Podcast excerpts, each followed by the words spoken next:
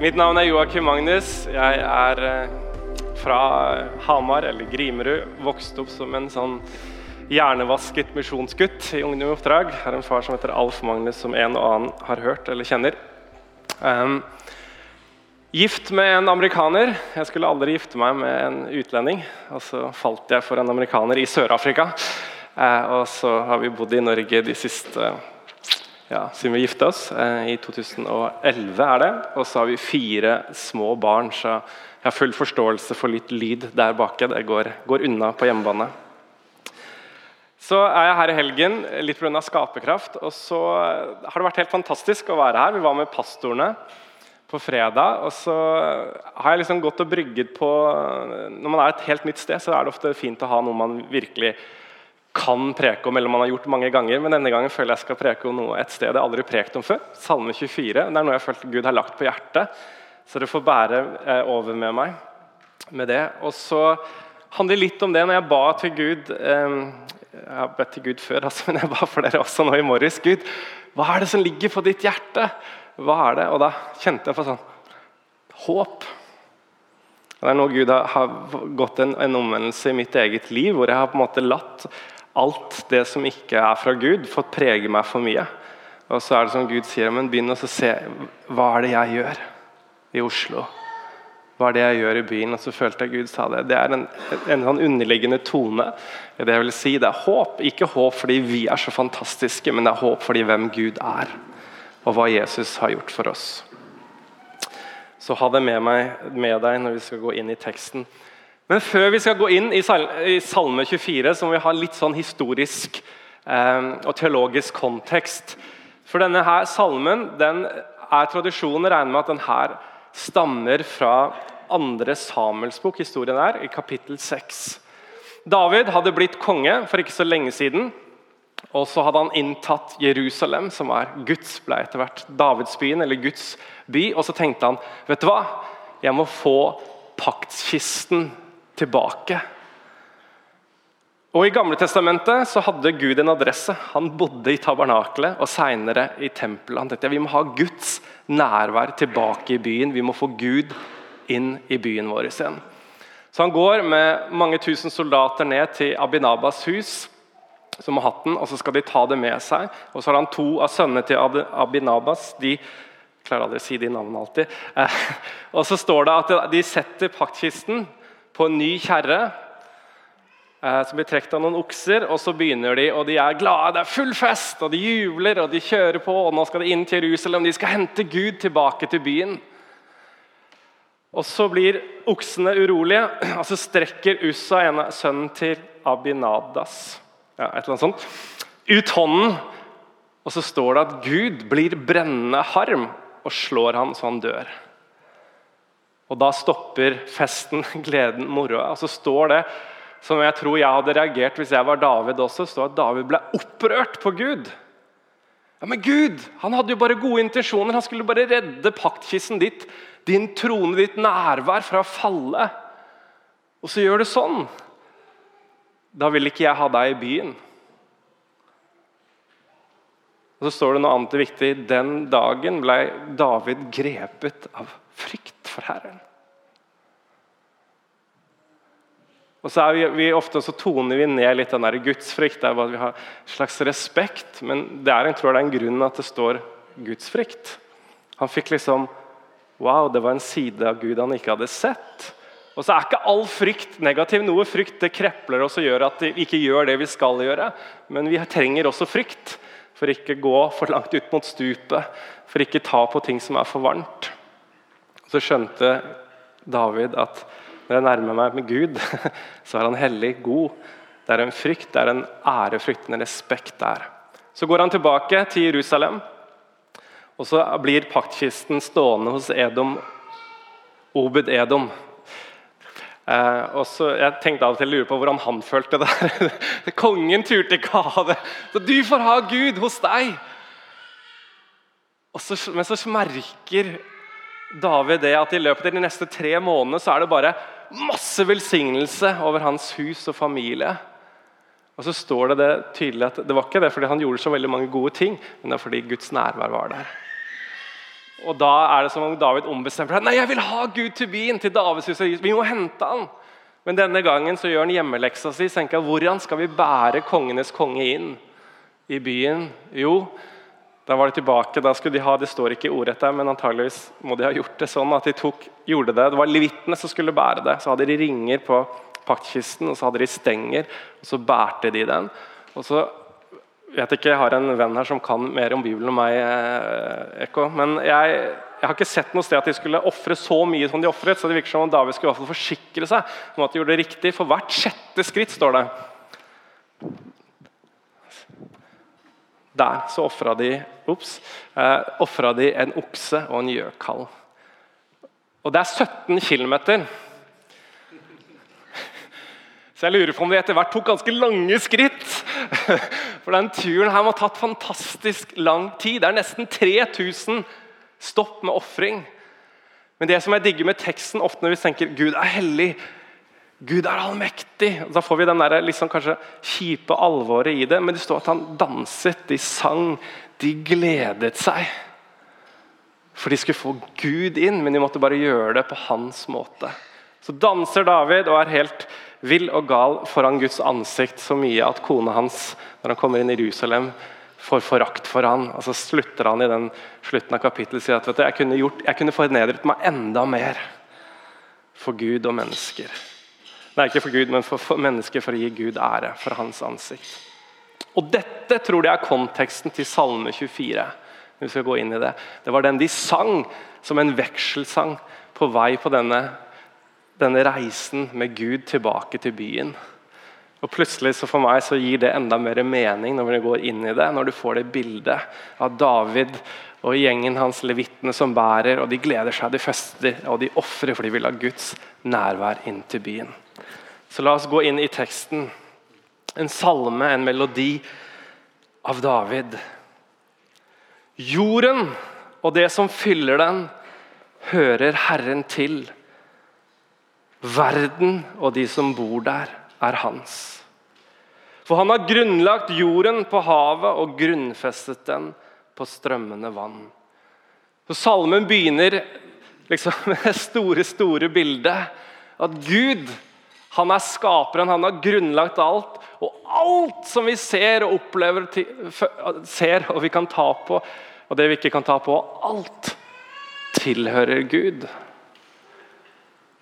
Altså Gud er alt steds nærværende. Alt er hans. Og alt, Han har det oppriktige eierskapet av oss og hele verden.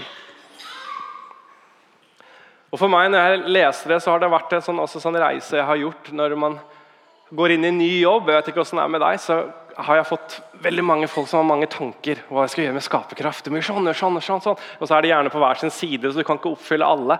Og Istedenfor å bli glad så kjente jeg at jeg ble sånn tynget ned. Og Så har jeg gått en masterkurs, og så skulle jeg dele, og jeg skrev masteroppgaven min om skaperkraft. og Så delte jeg det med professorene mine og medstudentene mine. Og så sa de at Joakim, dersom du går og og bærer at du, du, tror at du skal forandre kulturen i Norge. Så sa de sorry, men det klarer du ikke. Men Jesus kan forandre kulturen. Og så sa min professor at du må være forsiktig med preposisjonene dine. Du jobber ikke for Jesus, du jobber med Jesus. Norge er Guds. Verden er Guds. Alle som bor i Norge, om de tror eller ikke, er Guds. Så når jeg går på jobb nå, så har jeg fått en helt ny glede, for nå går jeg på jobb med Jesus. Når jeg er her, så prøver jeg ikke å tenke på alle deres forventninger, men Jesus, hva er det du gjør i rommet? Hva er det du jobber med folks hjerte? For jeg jobber med deg, fordi alle oss, vi tilhører Gud. Og så ble det en sånn huh, Jeg kan slappe av. Verden er Guds problem. Norge er Guds problem. Oslo er Guds problem. Skaperkraft er Guds problem. Og forhåpentligvis også en løsning på noen ting. Alt så Gud er alle steder. Han, han eier alt. David sier også det i Salme 139. Uansett hvor jeg drar, jeg kan, klarer jeg ikke å flykte bort fra deg. Gud er alle steder. Men så er det som David fokuserer inn i neste vers, så står det Hvem kan gå opp på Herrens fjell? Hvem får stå på Hans hellige sted? Man regner med Det er et retorisk spørsmål fra David. hvor Han egentlig snakker om Altså, Hvem kan stå i det aller helligste?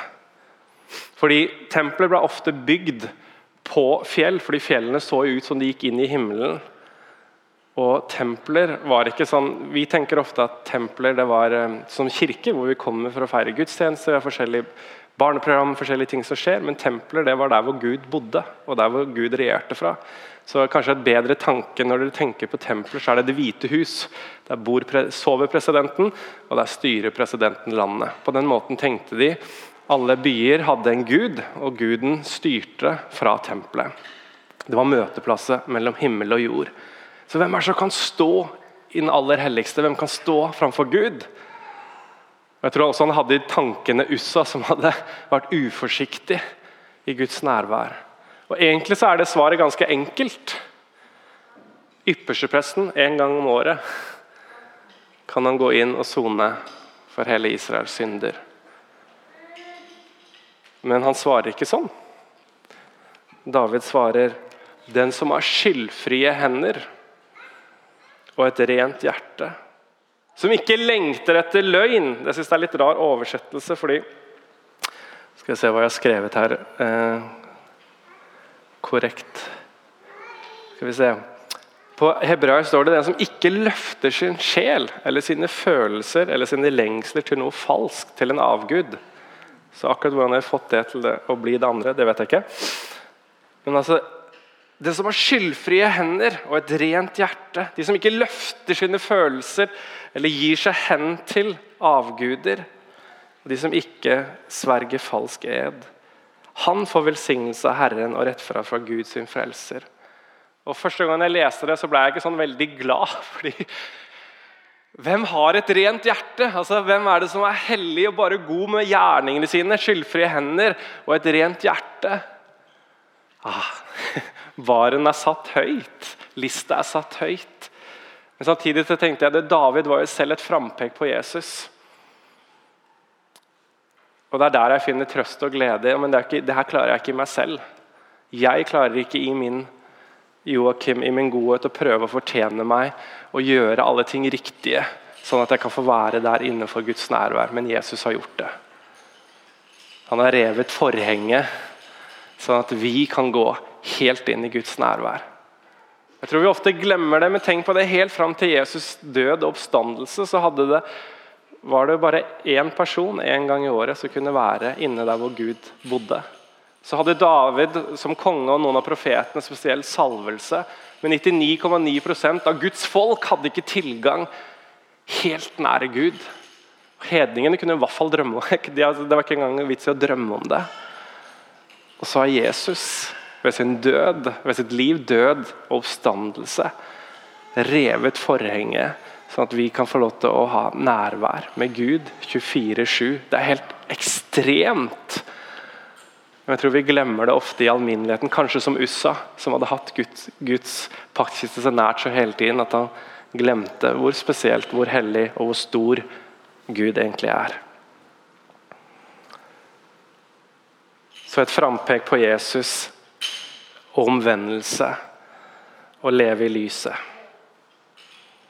Han, den som står framfor Gud og har det her, han får velsignelse av Herren og rettferd fra sin frelser.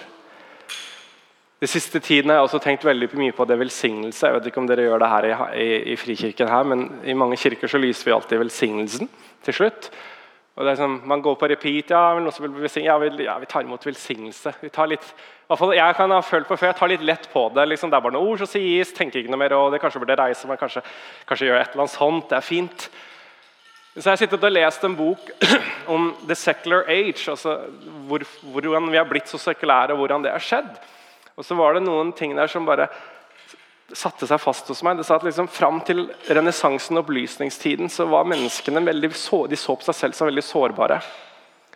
De var sårbare i forhold til naturkreftene, alt som skjedde, men også i forhold til gudenes makt. Før i tiden og etter hvert også Gud, som vi tror på den eneste sanne Gud. At vi var avhengig av hans velsignelse og forbannelse. Vi klarte ikke å skape vårt eget liv, vi var avhengig av noe som var større enn oss. Men så kommer renessansen, opplysningstiden, og så blir vi disse autonome, beskyttede vesener hvor vi tenker alt er opp til meg. Jeg kan skape mitt eget liv, jeg kan bestemme hvem jeg er. Det Alt egentlig bare handler om meg. Og det Paradokset er jo at når vi ikke får noe til Vi tenker jo det at du kan skape ditt liv, Tor Erling. Bare, hva er det du vil bli? Skap det, få det til. Alt handler opp til oss. Men med en gang vi ikke får til noen ting, så er det alle andres skyld. Dårlig familie, feil kirke. Det er utrolig interessant å analysere vår egen tid av og til. Men det fikk meg liksom til å forstå kanskje mer liksom, når jeg leser gjennom Bibelen, så er det jo desperate etter Guds velsignelse. Jakob slåss jo med denne engelen eller med Gud og sier 'Jeg slipper deg ikke før du velsigner meg'. Jeg klarer meg ikke i livet uten din velsignelse, Gud. Uten din favør over mitt liv. Kanskje vi har noe å lære av de menneskene som ikke var så moderne. For når jeg leser ordspråkene jeg tror det er der det står at det er Guds eh, velsignelse som gjør rik. Eget strev legger ingenting til. Det høres veldig fint ut, men det er veldig sjelden jeg tror det inni hjertet mitt. For jeg jobber veldig hardt etterpå og tenker det er veldig opp til meg hvor bra det går med skaperkraft eller hvor bra det går med familien min. Men jeg lurer på om Jakob, Abraham, Isak, en del av disse gamle folkene hadde en helt annen og bedre forståelse av hva det var i mennesker. At vi er desperat avhengig av Guds velsignelse og nærvær over livet vårt hvis det skal gi frukt.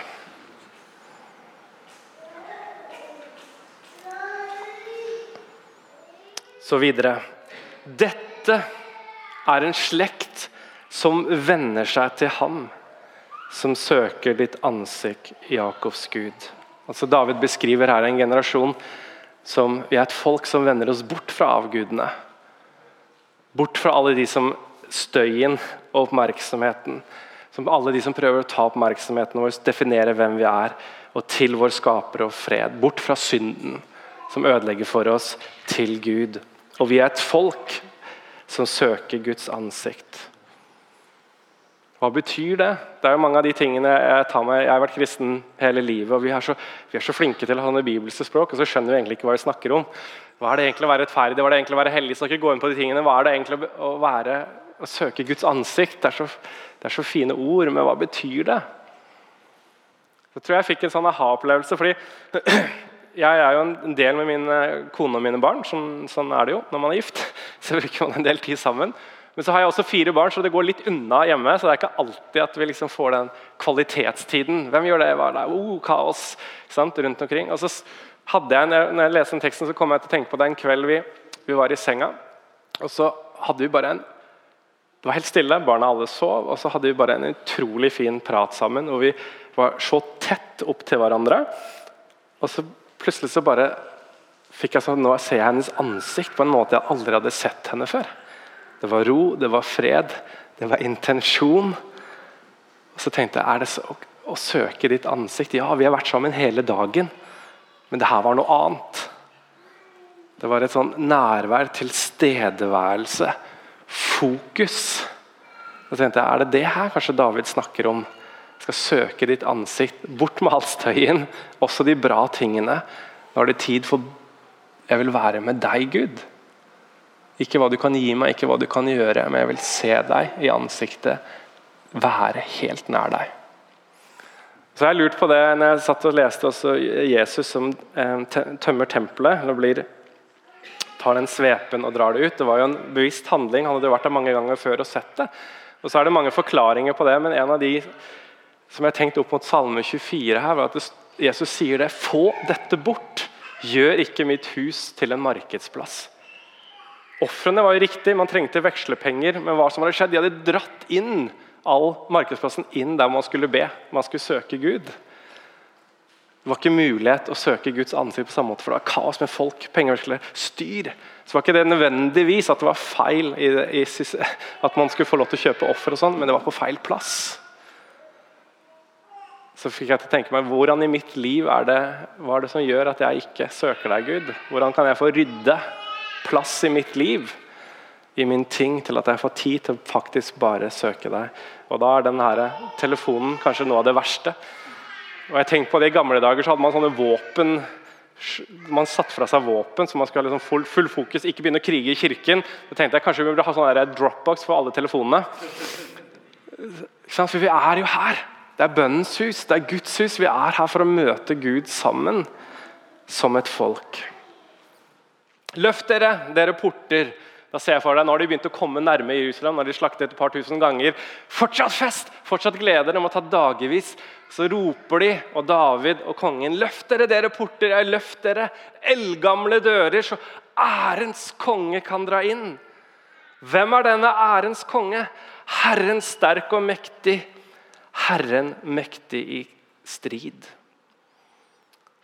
Ærens konge jeg liker det bedre på engelsk, står 'King of glory'. Kabod betyr det. der herrens, herrens manifesterende nære og hans tunge tilstedeværelse. Det er han som kommer, så nå må dere løfte dere! Opp porter, bort folk! Nå kommer kongenes konge.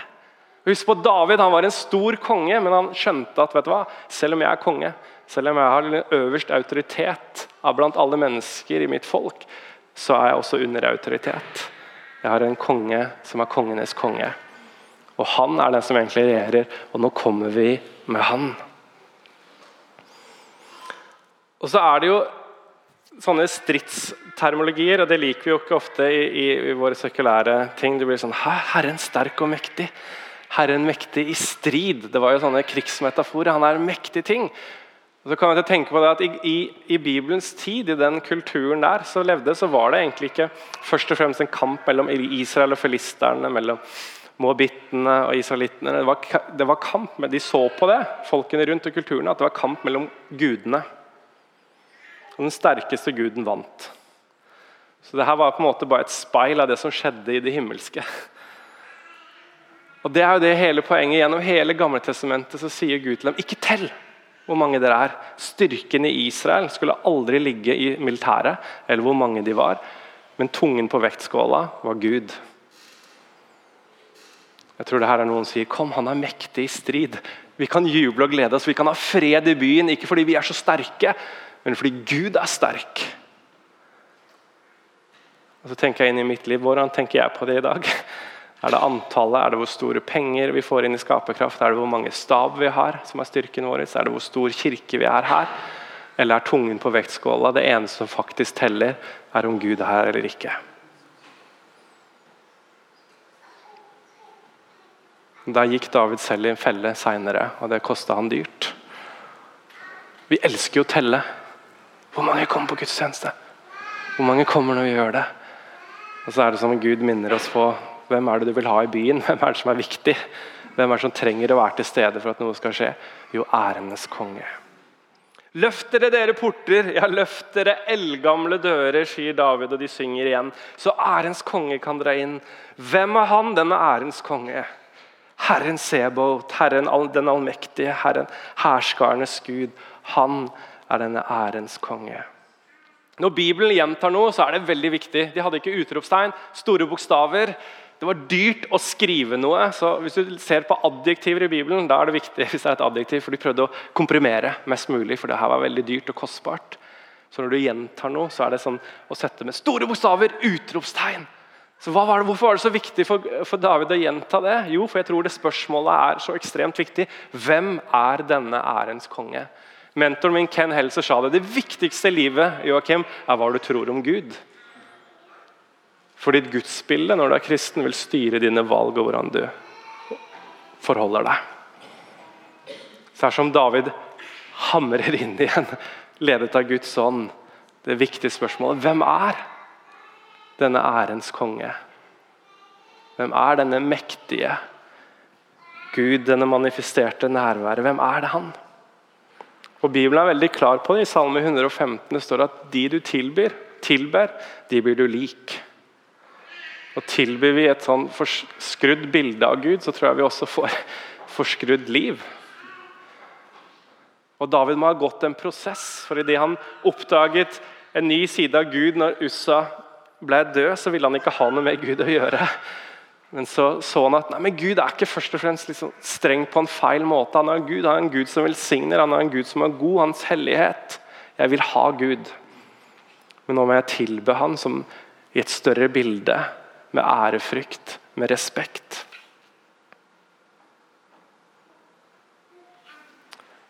I dag har faktisk Gud en adresse også.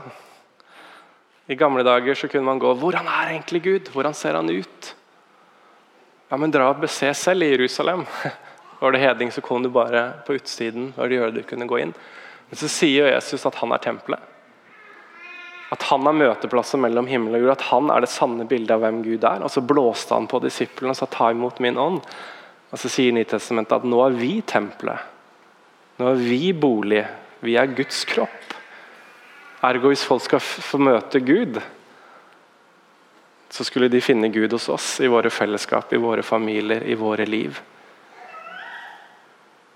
Vi har vårt kall. Vi er kalt til å være Guds bilder. Det er det vi er skapt til. Å ligne Gud, vise verden hvem Gud er. Så min lille utfordring her i dag til meg selv, like mye som til dere, er vil vi ha Gud i byen? Vil du ha Gud i fellesskapet ditt? Vil du ha Gud i familien din?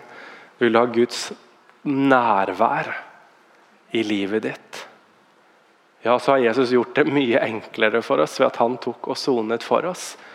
Men jeg tror vi har den samme oppskriften her også. Hvorfor merker vi ikke mer? Jo, jeg tror det handler om å leve i lyset. David sa, hvem kan det være? Hvordan kan Gud være så nært til stede? Jo, han har gjort alt ferdig, men vi trenger å gå inn i det lyset. Inn i tilgivelsen, inn i omvendelsen daglig. Det er det ene punktet han sier. Og det andre er at vi skal søke Guds ansikt. Det handler om intensjon, om å bruke tid med Gud og være med Gud. Leve i omvendelse, i lyset og tilgivelsen. Og bruke tid med Gud.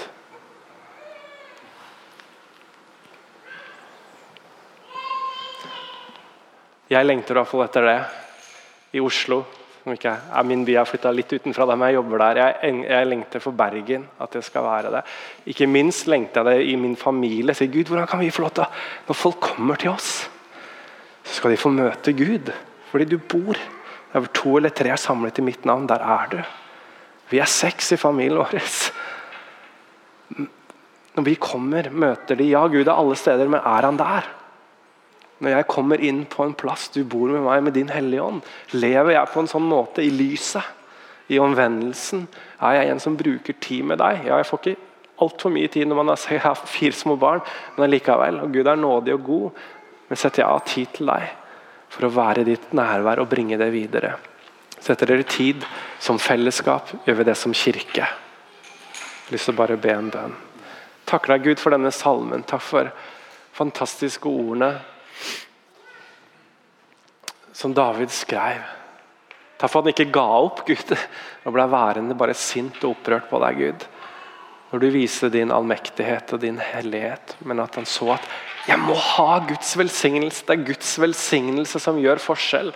Jeg må ha Gud i byen, for det er Gud. Hvis ikke Gud beskytter byen, så, så våker vaktmennene forgjeves. Det er du som er forskjellen, Gud. Og Så tok han bryet med å slakte, og ofre, ofre, ofre. ofre, ofre. Samtidig så danset han og gledet seg og sang og nedverdiget og ydmyket seg selv. Gud, nå har du ofret deg en gang for alle, så ikke vi trenger det. Men du har bedt oss om å være levende offer. At vi skal gi våre liv. Du har utfordret og kalt oss og bedt oss om å leve i lyset. Ta imot, og så har du utfordret oss til å bruke tid med deg og etterligne deg, Jesus. Må alle ord jeg har sagt som ikke ærer deg, Gud, bli borte. Men må det som er ditt ord, og det som er sannhet, bli fast. Og må det gjøre noe med våre liv, sånn at verden skal få se hvem du er. Amen.